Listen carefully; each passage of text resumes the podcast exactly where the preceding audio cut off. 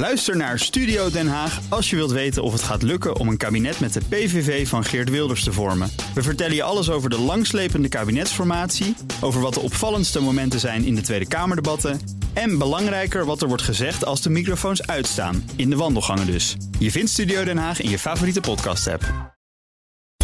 BNR Mobility wordt mede mogelijk gemaakt door ALD Automotive en BP Fleet Solutions. Today, tomorrow, together. BNR Nieuwsradio. Mobility. Meindert Schut en Nout Broekhoff. Je komt ze steeds vaker eh, tegen op het fietspad. Elektrische fatbikes. Van die luiige fietsen met dikke wielen. Een eh, kruising tussen een e-bike eigenlijk en een brommer. Ja, soms gaan ze nog harder dan een brommer. Dat willen we natuurlijk niet. Maar goed, de nieuwste fatbike die je in Nederland kunt krijgen is de FLX van Fat4. En je hoort straks eh, veel meer over dat nieuwe model. Maar eerst... Ja, de crème de la crème uit eh, de drone-industrie verzamelt zich de komende dagen in de rij voor de Amsterdam Drone Week. Nieke Lipsius is directeur van de ADW, niet te verwarren met de ADE, hè, de Amsterdam Drone Week. Welkom, leuk dat je er bent. Dankjewel. Even, even overkomen vliegen natuurlijk. Ja, ik, ik had wel gewild, maar het mag Ja, nog niet. nee, helaas. Hoe lang gaat dat nog duren? Nou, in 25 zou het mogen. Ja, dan moet het nog geïmplementeerd worden. Ja, dus ja, het mag ja. vanaf 25. Oké. In Nederland. In Europa. In Europa, oké. ja. ja, maar dat- dat- ze zijn wel bezig met regelgeving, maar dat duurt allemaal erg lang. Waar, waar ligt dat aan? Nou ja, misschien moeten we wel blij zijn dat het best wel lang duurt. Want de veiligheid moet wel gegarandeerd worden. Het is best complex. Eh, dus drones mogen nu vliegen. Die regels zijn af. Eh, vliegen met mensen, dat is next level. En daar zijn ze nu deze week in Amsterdam over aan het praten. En de verwachting is dat dat in 25 af is. En wie komen dan allemaal praten deze week Je- op de Amsterdam Drone Week? Nou, je zou bijna vragen wie niet. Maar eh, de, ja, het zijn vooral beslissers, autoriteiten wereldwijd, Europees, wereldwijd. Eh, dus ook uit Amerika, Japan, eh, Singapore, Australië. Die komen hier allemaal praten over eh drone-regels. En dan hebben we natuurlijk de industrie. Dus denk aan, aan de Wing, Google Wing is dat eigenlijk. Maar ook de Boeing en de Airbussen. eh, en de telecomsector. En heel veel steden en regio's. eh, wel, wel koplopers, zoals Los Angeles, eh, Osaka, Parijs, Hamburg, Amsterdam. Ja, die praten hier allemaal met elkaar over de nieuwe ja, drone-regels en toepassingen. Oké, en wordt er alleen maar gepraat of, of hebben ze ook wat meegenomen om te laten zien? Wat mooie gadgets. Dat zou Ja. wel leuk zijn. Ja, er zijn absoluut ook gadgets eh, te zien, de nieuwste technologie en alles wat er is. Ehm, iedereen vraagt altijd, wordt er gevlogen al met mensen? Eh, Ja. Ja, dat, ja, dat mag nog niet hè, hier. Nee. En in zo'n hal bij de rij, hij, hij oogt groot, maar het is echt wat te klein hoor, voor, voor zo'n eh, drone om eh, in te vliegen. Dus die laten we vooral zien op beeld. Dus dat is dan opgenomen in San Francisco bijvoorbeeld, waar het wel mag.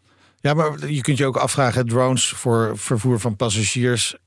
Is het echt nodig? Gaat het er ook echt komen? Waarom zouden we dat moeten willen? Ja, dat is een goede vraag. Ja, het gaat er echt komen. Dat weet ik nu zeker, want ze vliegen al lang. Eh, dus je houdt het niet meer tegen. Moeten we het ook echt willen? Ja, dat is, dat is dus ook echt wel even een vraag die, die gemeenten, provincies zich nu moeten stellen. En die moeten nu wakker worden. Want wat bijzonder is, is dat eh, normaliter worden de regels in de lucht, eh, of normaliter, die worden eigenlijk gemaakt door het ministerie van Infrastructuur en het ministerie van Defensie. Hè, die bepalen wat er gebeurt Ja. in de lucht. In de Europese wetgeving voor drones is opgenomen dat ze de lagere overheden moeten consulteren over het lagere luchtruim. En daar zijn we nu aanbeland. Alleen wat zien wij? Dat heel veel gemeenten en provincie nog denken, nou het zal wel. Je hebt er nog geen mening over. Precies. Maar die zullen toch echt wel een mening moeten gaan vormen. Ook wel weer ingewikkeld, om, want we hebben heel veel gemeenten in Nederland en twaalf provincies. Dus die moeten er ook nog een plasje over gaan doen. Ja, ja, die moeten wel een advies gaan geven. Het is best ingewikkeld. Ja, Ja. ja. want ja, een drone eh, zal eh, een x aantal kilometer ver komen. Maar het gaat natuurlijk niet echt om afstanden binnen een land. Je gaat niet helemaal van Groningen naar Maastricht vliegen en naar Rotterdam. Zeker wel. Ja? Zeker ja? wel, dat is wel de bedoeling. Sterker nog, ze verwachten dat die van bijvoorbeeld een oplossing is van Groningen naar Amsterdam of van Amsterdam naar Brussel. Als je dat elektrisch en straks ook autonoom kan doen, dan is het niet alleen duurzamer, maar ook nog heel goedkoop. Ja, dat, dat is de echte toekomst. Maar nu eh, is het nog voor korte afstanden. Ook al met pakketjes. Ja. Dus, eh, maar voor de toekomst. Maar kun je dan niet gewoon een Nederlandse regelgeving? Of, ja, dat, dat, want het lijkt me zo ingewikkeld om met z'n allen daar weer gaan samen te zitten. Al die partijen bij elkaar. Dat gaat langer duren weer. Nee, ja, het duurt al even. Dus Ja. eh, de Europese regels zijn Ja. er al. Hè? Dus wat dat betreft gaat het best wel goed. En sterker nog, nu willen we het vooral hebben over eh, eh, wereldwijde regelgeving. Want ze willen eigenlijk voorkomen dat er straks in Europa andere regels gelden dan in Amerika of in Azië. En dan Mhm. krijg je een beetje zoiets, ik maak even een anekdote, maar dat je in, in, in Engeland rij je links en hier rij je rechts. Nou ja, we willen dat voorkomen. Dus daar wordt deze week ook over gesproken wereldwijd. Want zijn er in, in, de, in de lucht dan andere regels, ook per land? Het is niet zo dat ze in Engeland zeggen, we vliegen links. Nee, het is even? Ja. even, voor, de, even voor de beeldvorming. Maar er zijn wel andere landingsregels Oké. eisen. eh, er zijn echt wel verschillen.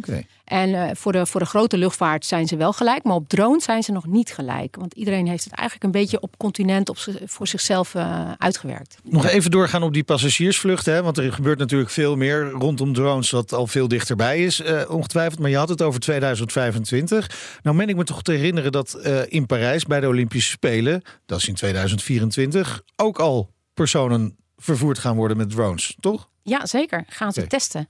Oh, dat is een test. Ja, nou, test, demo meer dan een test. Maar ze hebben natuurlijk al heel veel geoefend en getest. En nu willen ze meer in de echte wereld kijken hoe dat gaat. En vooral ook kijken, wat vindt die Parijzenaar er nou van? Heeft hij daar nou last van?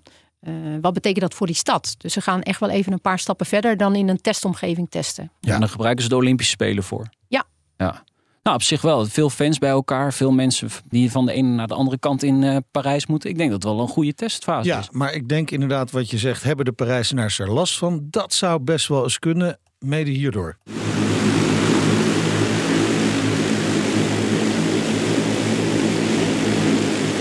Klinkt niet heel lekker, hè?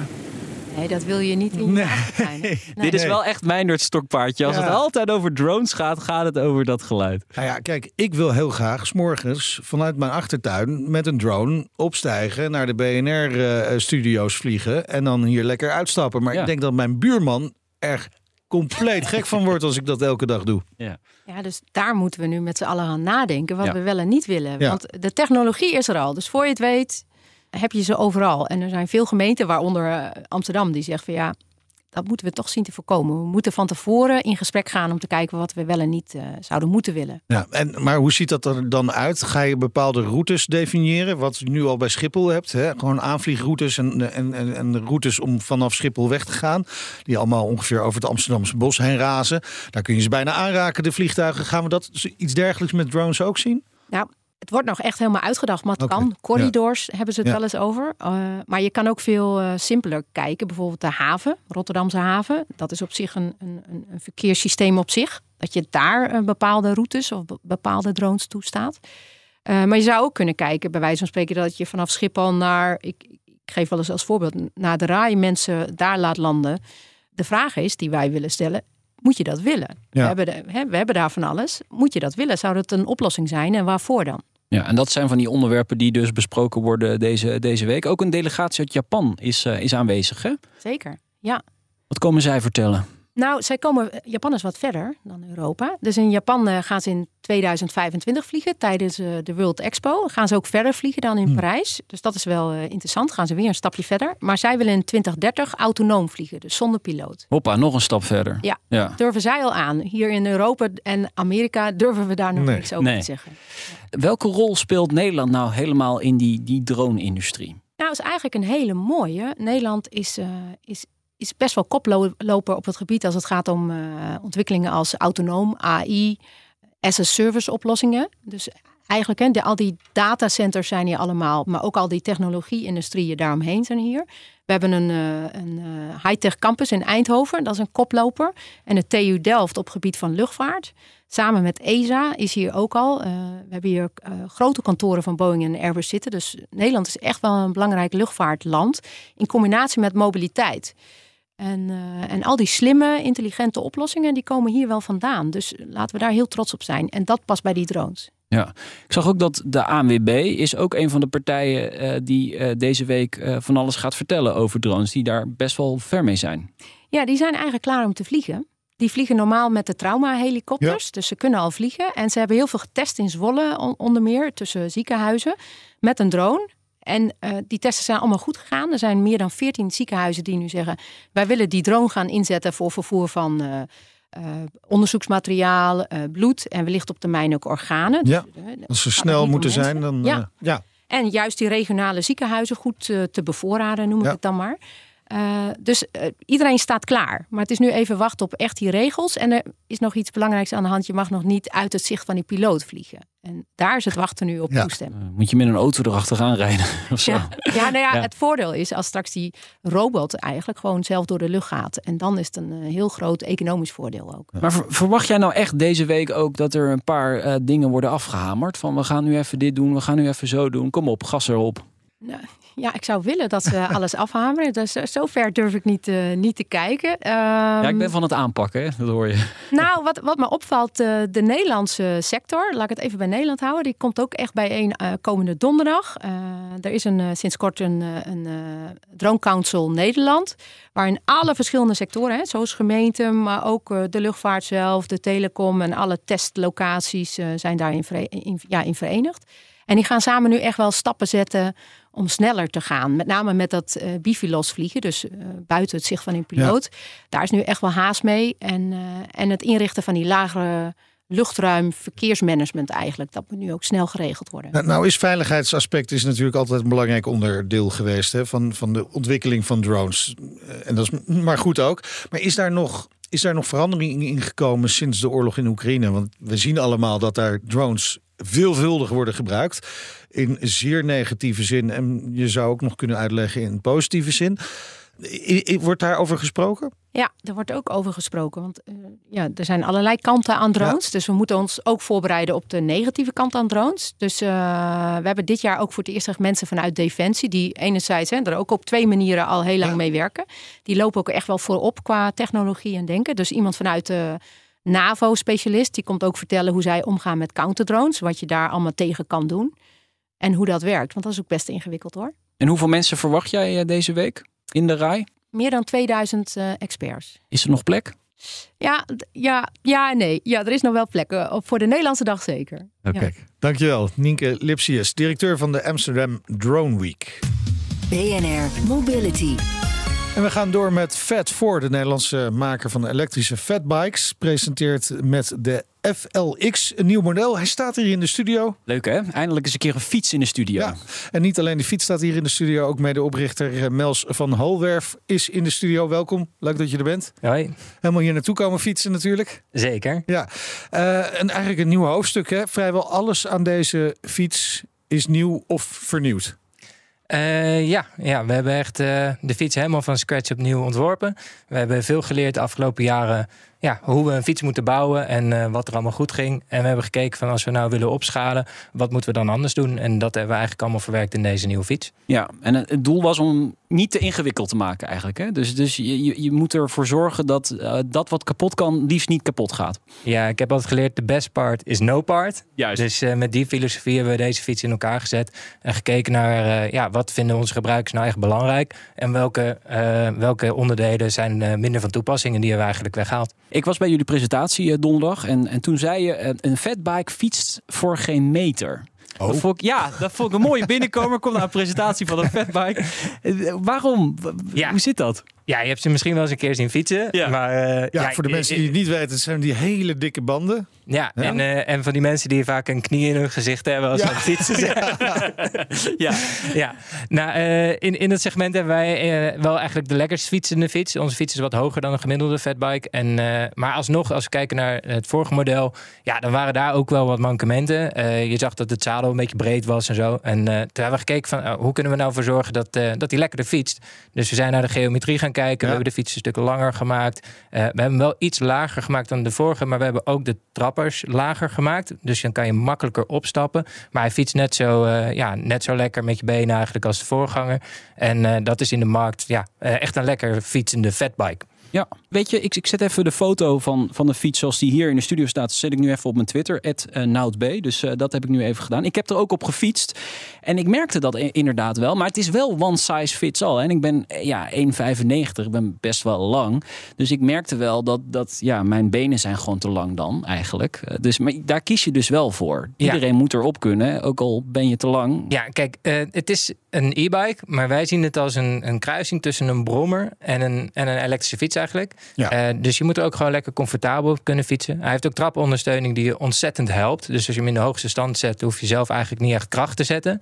En we hebben verschillende rijstanden ontwikkeld die als je hem wat lager zet, dat je dan ook makkelijker wel zelf mee kan fietsen. Ja, en voor elke gebruiker is dat verschillend, dus je kan zelf instellen. Ja. Ik weet niet, toen je er zelf op hebt gefietst, hoe vond je dat in de hoge stand? Ja, leuk. Eh, eh, dat werkt hartstikke goed. Alleen ik wilde het zadel nog wat omhoog, maar dat gaat dus niet. Nee, want het nee. is dus een brommer. Nee, precies. Ja, ja, dat is een one size fits all. Ja, Ja. Is niet anders. Ja, het is meer voor mij dus. Ja.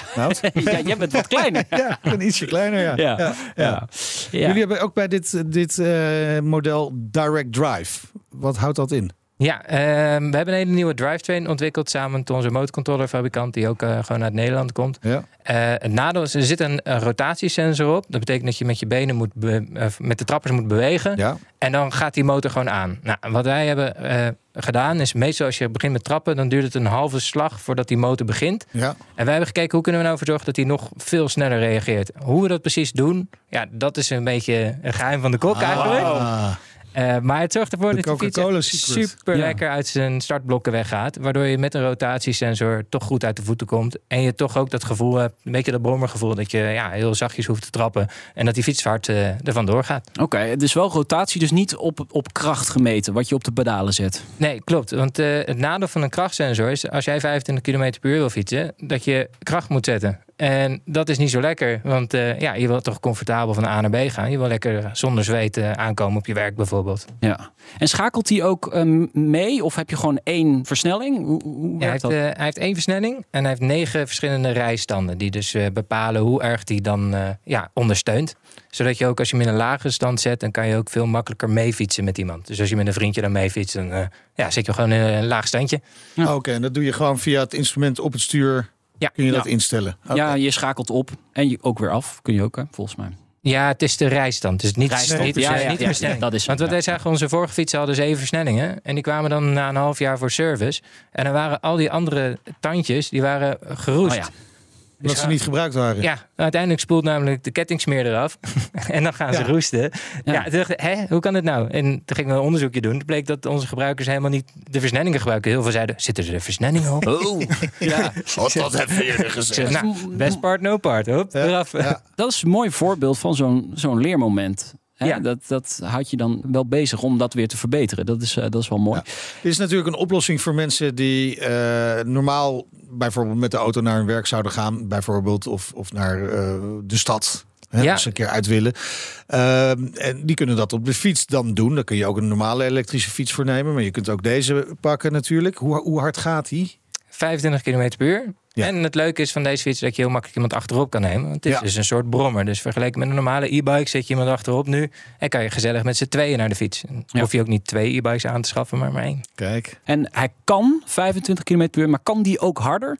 Nou, niet zomaar, maar het is een elektrische fiets. Dus net zoals elke andere elektrische fiets. Als je moeite doet en je hebt de juiste eh, software en je hebt de juiste tools om, om hem aan te sluiten, ja, dan is die opvoerbaar. Ja. Want dat is het, het grote ding, of grote ding, dat, dat is het ding bij fatbikes. Hè, de laatste maanden in het nieuws. Dat, dat het opvoeren zorgt voor problemen. Die dingen gaan veel te hard. Nou, fatbikes vallen heel erg op. En op het moment dat die dan harder fietsen, dan zegt iedereen in één keer: hey, je hebt een opgevoerde fiets. En eh, ja, Het lijkt wel een brommer. Het komt Ja, allemaal van ja. de fatbikes. Terwijl er zijn ook heel veel normale fietsen, die normale elektrische fietsen, die worden ook opgevoerd. En die kunnen met dezelfde tools ook opgevoerd worden. Nou, nu zijn wij echt geen voorstander van opvoeren.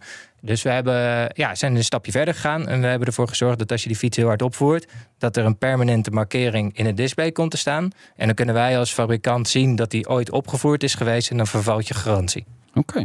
Kijk, we willen gewoon dat deze markt ook lang meegaat. En eh, ja, op die manier willen we een beetje helpen met eh, ja, ervoor zorgen dat niet iedereen die fiets klakkeloos Ja. gaat, eh, gaat Wa- Want opvoeren. in hoeverre eh, schaadt het de markt, hè, het imago van de fatbike, dat, er, ja, dat die verhalen to- de ronde gaan dat ze wel worden opgevoerd? Ja, nee, dit, dit is heel veel publieke opinie. Mhm. Ehm, dit- tot nu toe is er nog niet, zijn er geen concrete plannen om daar iets aan te doen. Ik, ik ben echt wel voorstander van dat ze er iets aan gaan doen. Maar ja, eh, ja je, je merkt gewoon wel dat daar eh, veel commotie over is. En dat is eh, Ja. toch wel nadelig uiteindelijk. Ja. Maar wa- wat kunnen ze daaraan doen? Nou, de, het meest wordt nu gesproken over een helmplicht. Ja.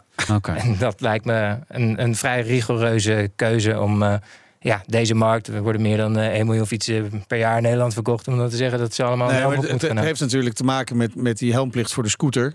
Ja. en de brommer, die wel een helmplicht hebben nu. Maar eh, met deze kun je eh, minstens even hard. En dus als je hem opvoert, nog harder. Maar is geen helmplicht. Wat een beetje als gek voelt. Ja, nou, het enige was dan dat de blauwe kentekenplaatscooter, daar hadden ze testen mee gedaan. Die reden gemiddeld ook affabriek eh 35 geloof ik. Ja. Ja. Nou, hier heb je affabriek dat ze allemaal 25 gaan. Ja. En er is recentelijk ook een, hier in het Vondelpark een onderzoekje geweest. En de meeste elektrische fietsen reden tegen de 30 of zo. Ja. Ja, dat is wel al een heel stuk langzamer in ieder geval dan Ja. de brommers. Dus ik denk dat het probleem ook veel groter wordt gemaakt dan dat het is, om heel eerlijk te zijn. Wat wel leuk is, deze fatbike wordt in zijn geheel in Nederland gebouwd.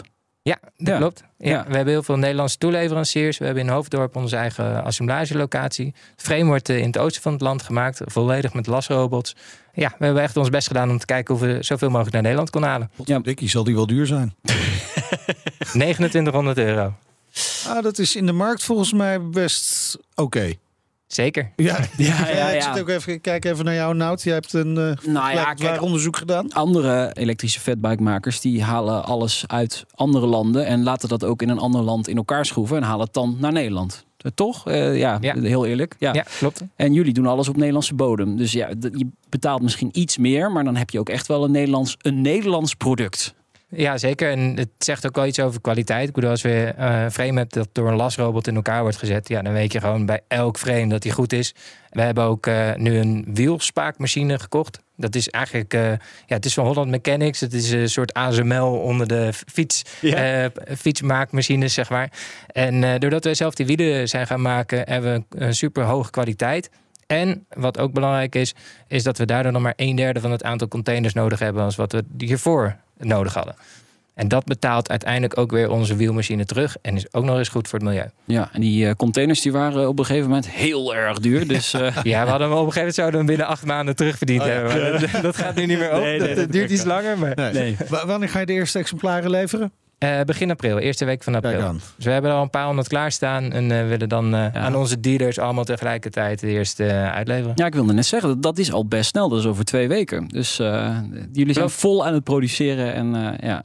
Ja. Trouwens, de wielmaat, de velgmaat, dat is ook wel lekker groot, hè? Ja, ja, het zijn 4 inch eh, wide. Oh. Ja. Daar vet voor. Ja. Oh, ja, kijk.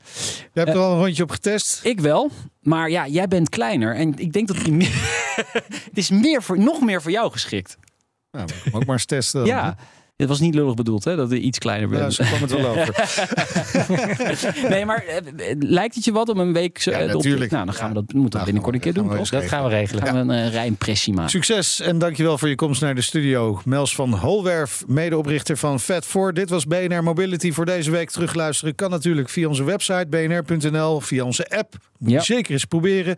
Maar het kan ook via een eh, willekeurig eh, podcastplatform. Zeker. En vergeet je dan eh, vooral niet te abonneren. Heb je nieuws of andere verhalen on- voor ons? Mail naar mobility.bnr.nl. Ik ben Meijnerd Schut. Ik ben Ad Broekhoff. Tot volgende week. Doei.